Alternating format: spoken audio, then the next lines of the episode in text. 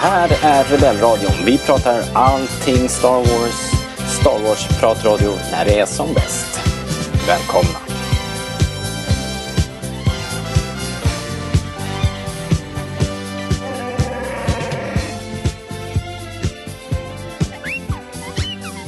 Då så, hjärtligt välkomna till Rebellradion, svensk Star Wars-podcast i samarbete med Star Wars.se.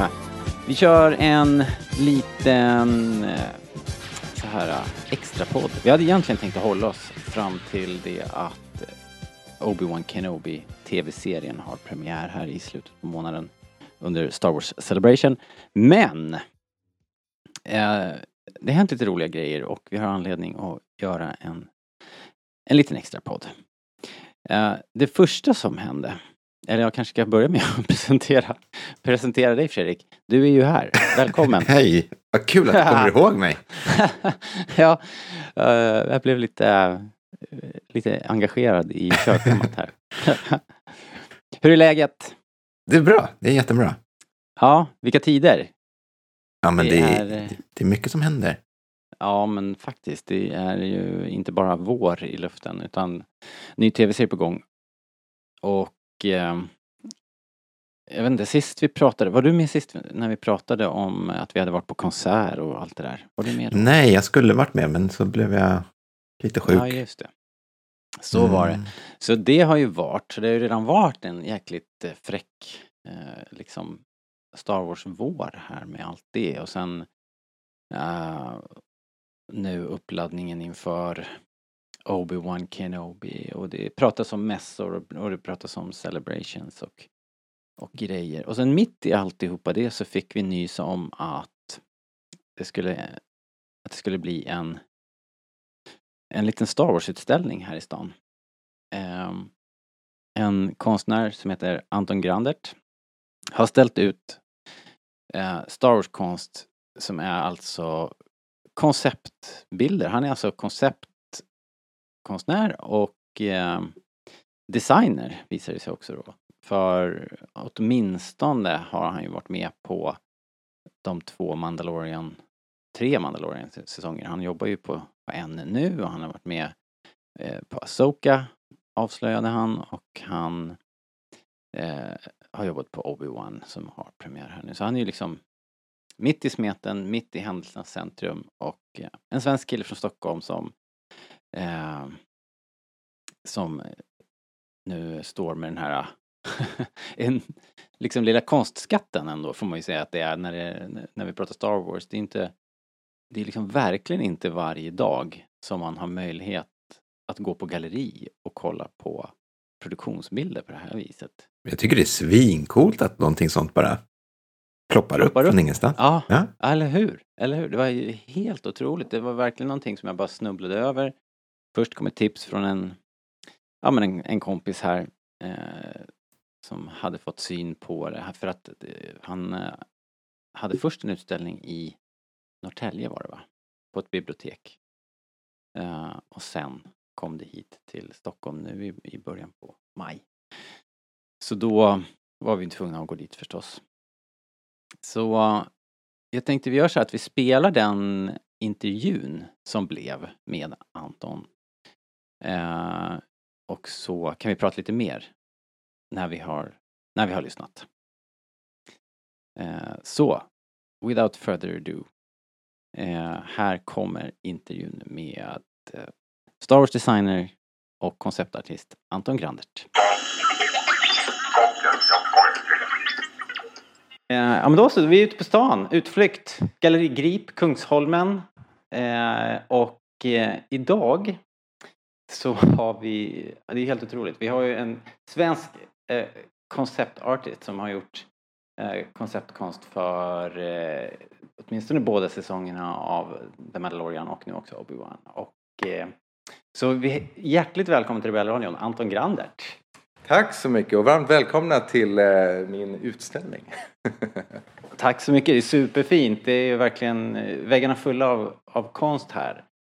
Eh, men innan vi börjar prata om något specifikt så kanske du vill vara snäll och bara berätta hur det kommer sig att du befinner dig i den här situationen, att du har skapat all den här konceptkonsten för eh, Lucasfilm.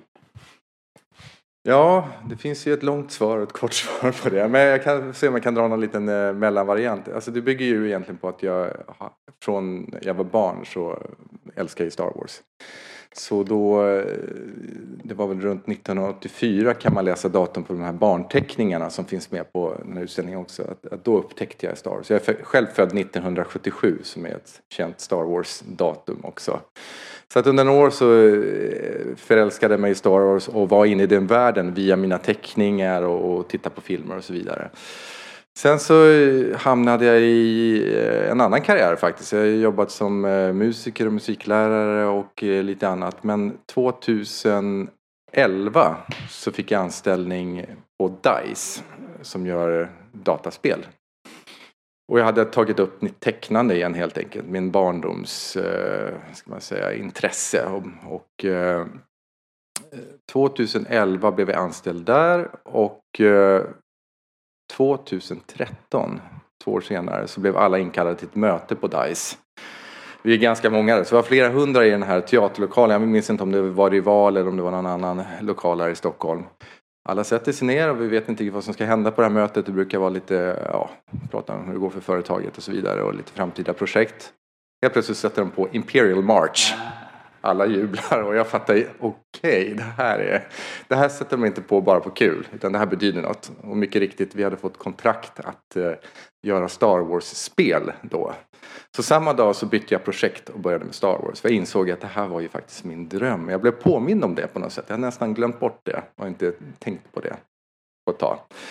Eh, så då gör jag Star Wars-spel under fem års tid. Och sen är det så att allt som görs inom Star Wars Eh, man kan ju inte bara släppa loss tyglarna på det utan det måste kontrolleras lite av en grupp på eh, Lucasfilm. Jag vet inte exakt vilka personer som ingår i den gruppen men en viktig person som jag fick kontakt med under de här åren det var ju Doug Chang som en sån här legendarisk konceptartist och eh, har lett det här konceptteamet för pre- prequel-filmerna och leder även teamen för de här mm, serierna som kommer nu.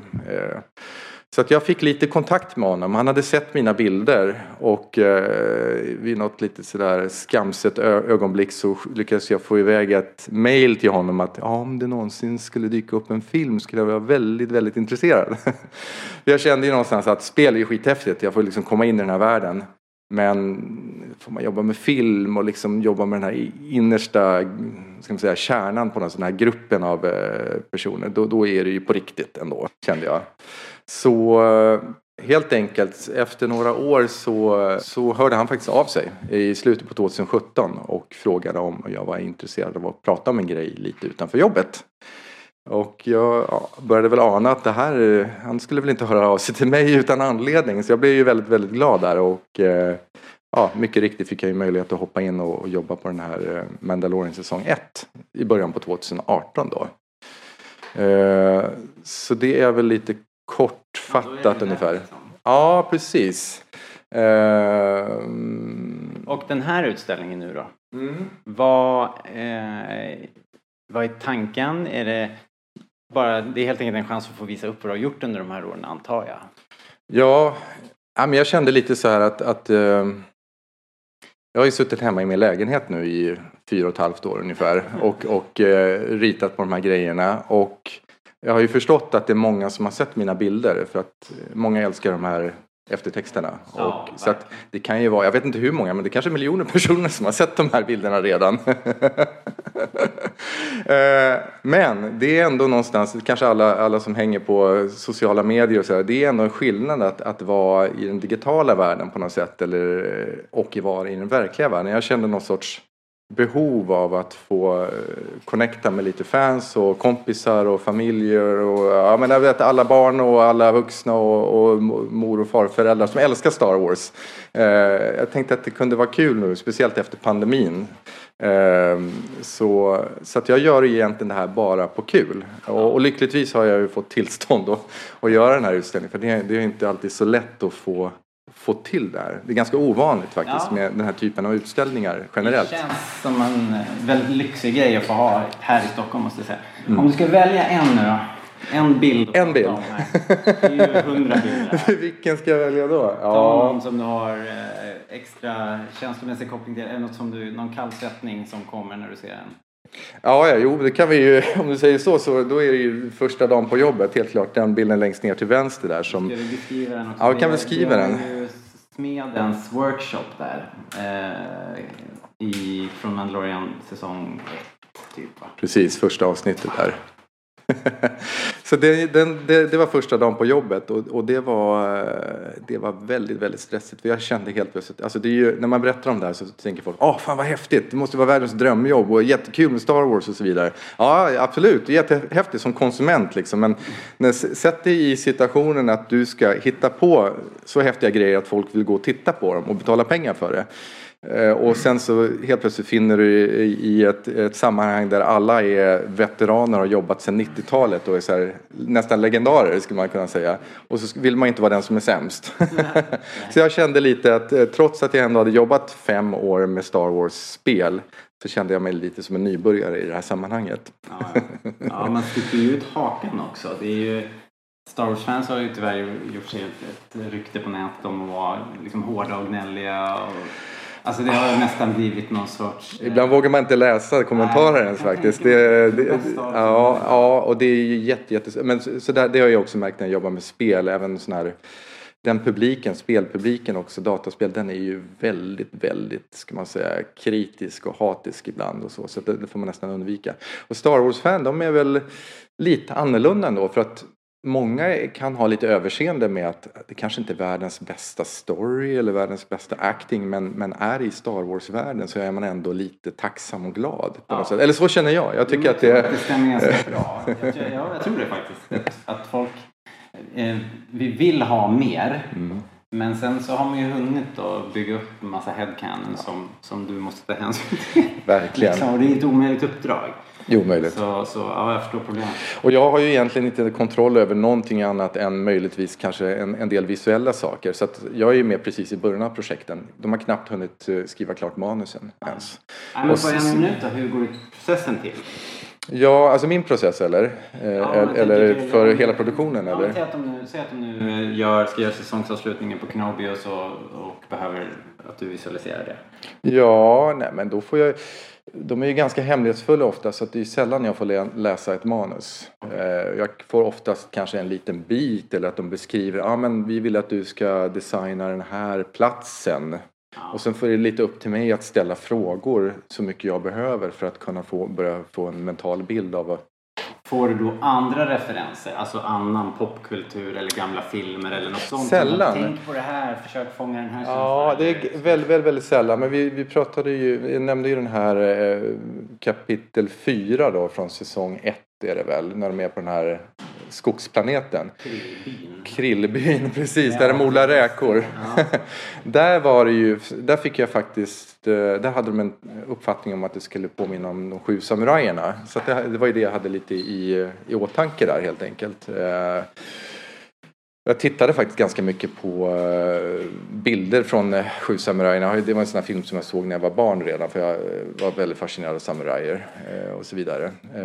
Men så att jag hade det i åtanke när jag designade den här byn då. Och, det gjorde ju faktiskt att arbetet blev väldigt mycket roligare för egen del. Men som sagt, tyvärr så får jag väldigt sällan läsa manus överhuvudtaget. Kanske för att de är väldigt rädda för att det ska läcka någonting. Ja, de är, det är klart de vill begränsa antalet ögon. Men, men Just. jag tänker, du måste ju ändå få tillräckligt mycket information för att kunna eh, ja, Ja, ja precis. Ja, Jo, men det får jag väl. Men jag vill ju ofta ha mer information än vad jag får.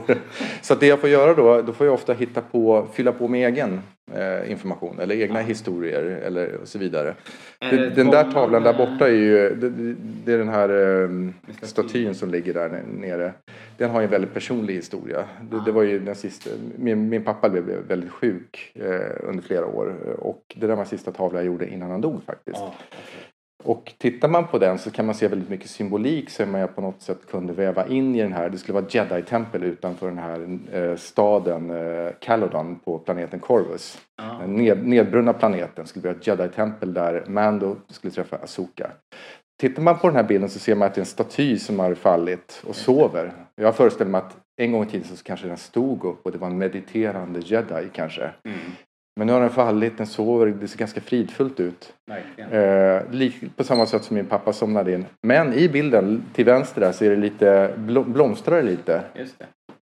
Ja, och jag hade precis fått reda på att jag hade en son på väg. Ja. Så där står jag och Mando i, i liksom vägskälet mellan liv och död på något Ja. sätt. Så det var ett exempel på hur man kan väva in egna historier. Det här var ett extremt fall Ja, ja, kanske ja. man kan säga. Eh, men det passar väldigt bra på just den bilden eh, ändå. Ja, fantastiskt. Du, vi ska, vi ska tacka för din tid. Ja. Och så ska vi verkligen ta in det här till fullo. Ja, precis. Ja, men- Ja men kika vidare på utställningen så eh, snackar vi lite mer. Ja, tack! Rebel Radio. I will deal with them myself. Där hade ni Anton, en fantastisk eh, liten utställning, en fantastisk eh, Star Wars, eh, ett fantastiskt Star Wars-fan liksom. Tänk att få ha halkat in liksom eh, att ha varit sen barnsben ett Star Wars-fan, börjat rita Star Wars-gubbar, vem har inte gjort det liksom? Men sen tagit det hela vägen via DICE, eh, i princip snackat sig in på Lucasfilm och eh, nu sitter han där han sitter och liksom och, och jobbar direkt under Doug Chang. Men det är nästan sinnessjukt. Alltså, alltså hur? Jag, jag fattar fortfarande inte. Nej, alltså i hälften av allt är väl slump. Eh, att liksom man ska vara i rätt tid, rätt plats. Eh, Men, men det blir ju också tydligt när man lyssnar på honom att han ju är en driven person som, som faktiskt har vågat drömma och liksom faktiskt också eh, liksom vågat agera på när han har fått chanserna, att han har tagit chanserna verkligen att eh, eh, eh möta rätt personer, ställa rätt frågor och liksom våga fråga om man får komma. Bjudit in sig själv och bjudit in andra. Jag vet inte om det kom med här i intervjun. Eh, men han hade ju alltså eh, han jobbar ju på distans, han jobbar i Sverige, träffar inte folk på Lucasfilm så ofta och inte Doug Chang heller. Um, så att under, eh, inte nu heller, varken då eller nu, och när han jobbade på DICE så, så jag tror att det var så här att när de gjorde, skulle göra Battlefront så skulle de spela in musiken eh, liksom på Abbey Road med eh, symfoniorkestern, London Symphonic Orchestra. Det är ju en ganska big deal. Det händer ju inte varje dag. Så att de eh, han lyckades eh, hänga med dit. Han har ett förflutet som musiker, det tror jag han nämnde i intervjun i alla fall. Och så han lyckades snacka sig in där. Han fick väl pröjsa det själv, men han åkte med till London och när han väl var där då så var det, var det produktion av, kan det ha varit episod 8 kanske i London. Ehm, så att Doug Chang jobbade ju med den i London. Eh, Anton kunde inte komma till filminspelningarna för oss, så stor sekretess, men han lyckades bjuda Doug till Abbey Road, liksom. och, och, och skapa en, en träff med honom där. Och eh, på så vis liksom plantera sig själv i, i Dougs minne som en, en hyvens Keys och eh, eh, en designer som redan fanns i, i laget liksom på DICE. Så att, eh, liksom jag menar om man, om man tar såna där chanser och ser till att saker händer då, då öppnas det väl dörrar antar jag. Men det är ju ändå otroligt, ändå fantastiskt. Ja, men bara den grejen. sen bara, ja, jag bjöd Doug Chang till Abbey Road. Liksom. Ja, att det gick att få till. Ja. Ehm, så att eh, mycket tillfälligheter men också såklart en driven person. Uh, men väldigt öppen, väldigt, som ni hörde, väldigt glad i att prata med oss och, och eh, det var jätteroligt. Och eh, häftiga bilder. Mm, vad tyckte du om själva utställningen? Jo men, alltså jag tyckte den överträffade förväntningarna. Det var, man har ju sett såklart en hel del och äger man de här böckerna, eh, art concept-böckerna så har man ju sett eh, väldigt mycket av det här, nästan allt skulle jag säga. finns väl där i någon form men det är ändå coolt att se det uppställt, utställt på ett sånt här, i ett galleri, det är bra ljus, det är rätt, rätt bild på rätt plats, det finns en tanke bakom hur saker och ting presenteras i, i ett galleri liksom. Och, eh, eh, och sen hade han ju smugit in i alla fall minst en bild som var koncept som inte sen hade hamnat i, i Mandalorian. Eh, vad jag kunde se och sen eh, var det ju också bilder nu tror jag var så, Fredrik, han var inte där på plats va? När du var där? Var det så? Nej, det var han inte. Så då vet inte jag hur mycket du har hört liksom kring, kring de här bilderna men han hade ju Eh, som han sa i intervjun, här, den här första bilden, hans första dag på jobbet liksom, den var ju laddad med väldigt mycket känslor så här, man är ju supernervös när man går in på ett nytt jobb i normala fall. Och sen om man har ett kreativt jobb där man faktiskt ska presentera, prestera och presentera sånt här så blir det ju, det där blir uppskruvat. Eh, såklart. Den bilden hängde där och sen så var det, eh, han pratade rätt mycket om eh, eh han jobbar med 3D-modeller som grund och sen så han pratade lite om skillnaden mellan eh, liksom värdet på bilderna. En 3D-modell har ju jättestort värde för produktionen, för de som ska börja tänka scener och placera kameror och skådespelare i, i, i den där världen så kan ju de vända och vrida på den här 3D-modellen och hitta vinklar och så.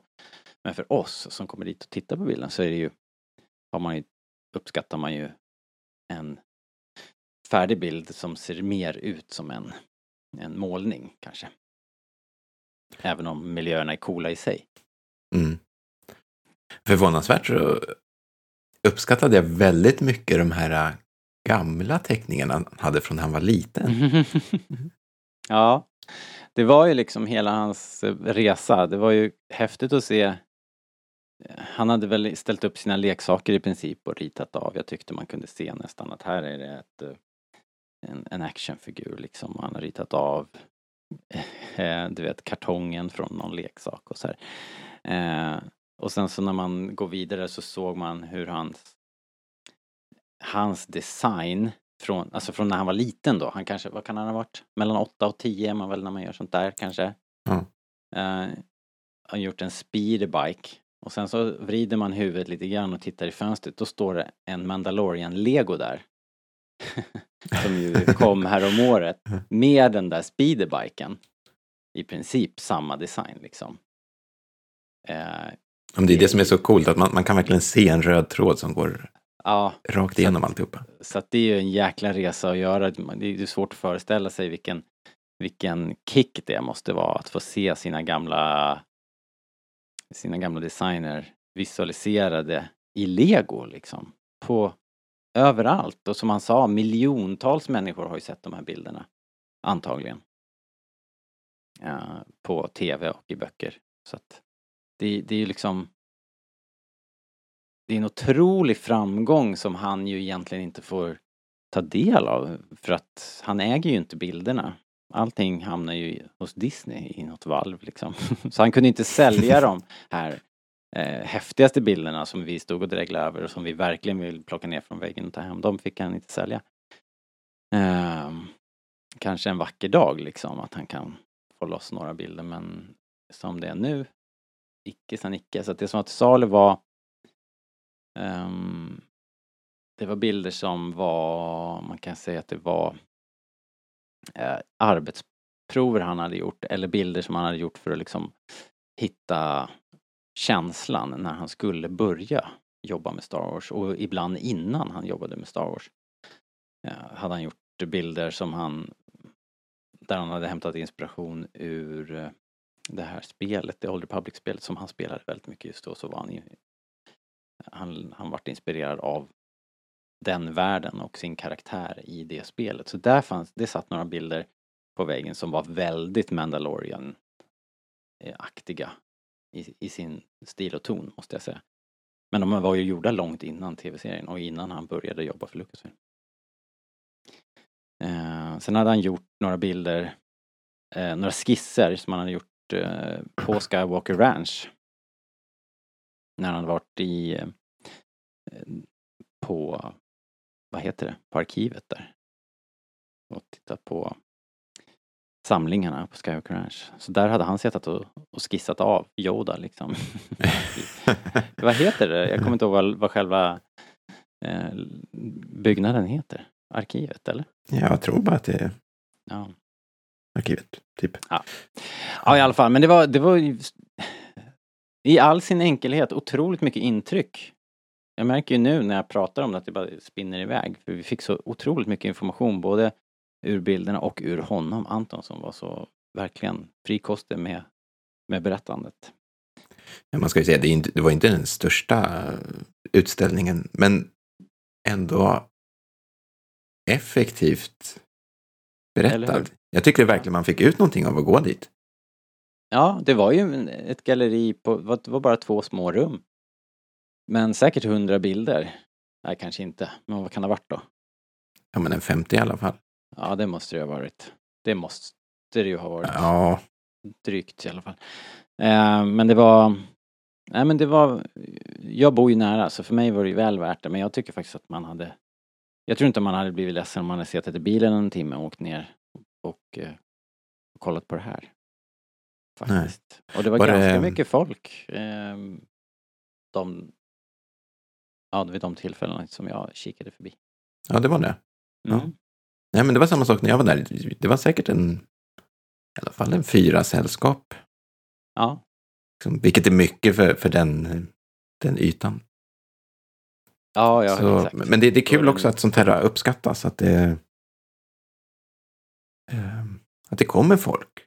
Det är inte så Ja. ofta som det händer saker i, i, i Sverige. Så liksom, Nej. passa på, gå dit, supporta. ja, verkligen. Ja, nu är det för sent tyvärr för er som har missat det. Nu är det ju kört. Jag, jag vet inte om man skulle ta det här vidare men om ni är nyfikna så finns han på Instagram om ni vill hitta Anton Grandit där. Vi kan såklart lägga upp en länk också på eh, de inläggen som hör till det här programmet. Eh, ja, Nej, men det var, det var kul. Riktigt mäktigt. Vi är väldigt tacksamma att vi fick tiden och att vi kunde komma dit och se det. Hi, this is Ashley Eckstein, voice of Ahsoka Tano from Star Wars The Clone Wars and founder of Her Universe, and you're listening to Rebel Radio.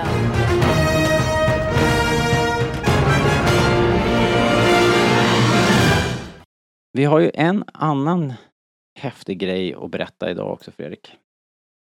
Eh, Ja. Berätta, vad har vi? Det råkar ju vara så att eh, det kommer en liten serie som heter Obi-Wan Kenobi. vad säger du? Ja, är inte det coolt? Ja, det är otroligt coolt och nu när vi spelar in det här så är det, eh, vad är det, en och en halv vecka kvar kanske till premiär. Kan Ja. det stämma? Ja, ungefär. Och då råkar det vara så att eh, i Stockholm kommer man anordna en eh, exklusiv visning av de två första avsnitten på bio. Hoho! Stor duk, Star Wars på bästa bio! ljudet. Yes, det kommer bli superfint. Ehm, och om man vill så får man anmäla sig dit. och komma dit bara och kika. Inga Ja. kostnader. Bara dyka upp i sina bästa Star Wars-kläder. Eh, och, eh, och se på Obi-Wan Kenobi på stor duk på bio. Eh, när och var?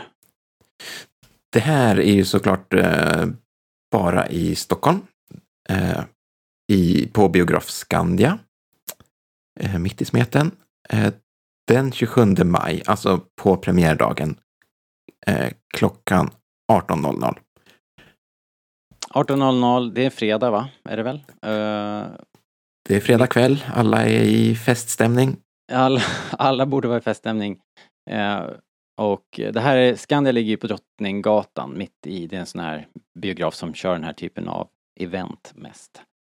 Eh, och ni är välkomna och det enda ni behöver göra det är ju att höra av er helt enkelt och anmäla intresse. Det är först till kvarn som gäller så sitt nu inte här och fundera allt för länge.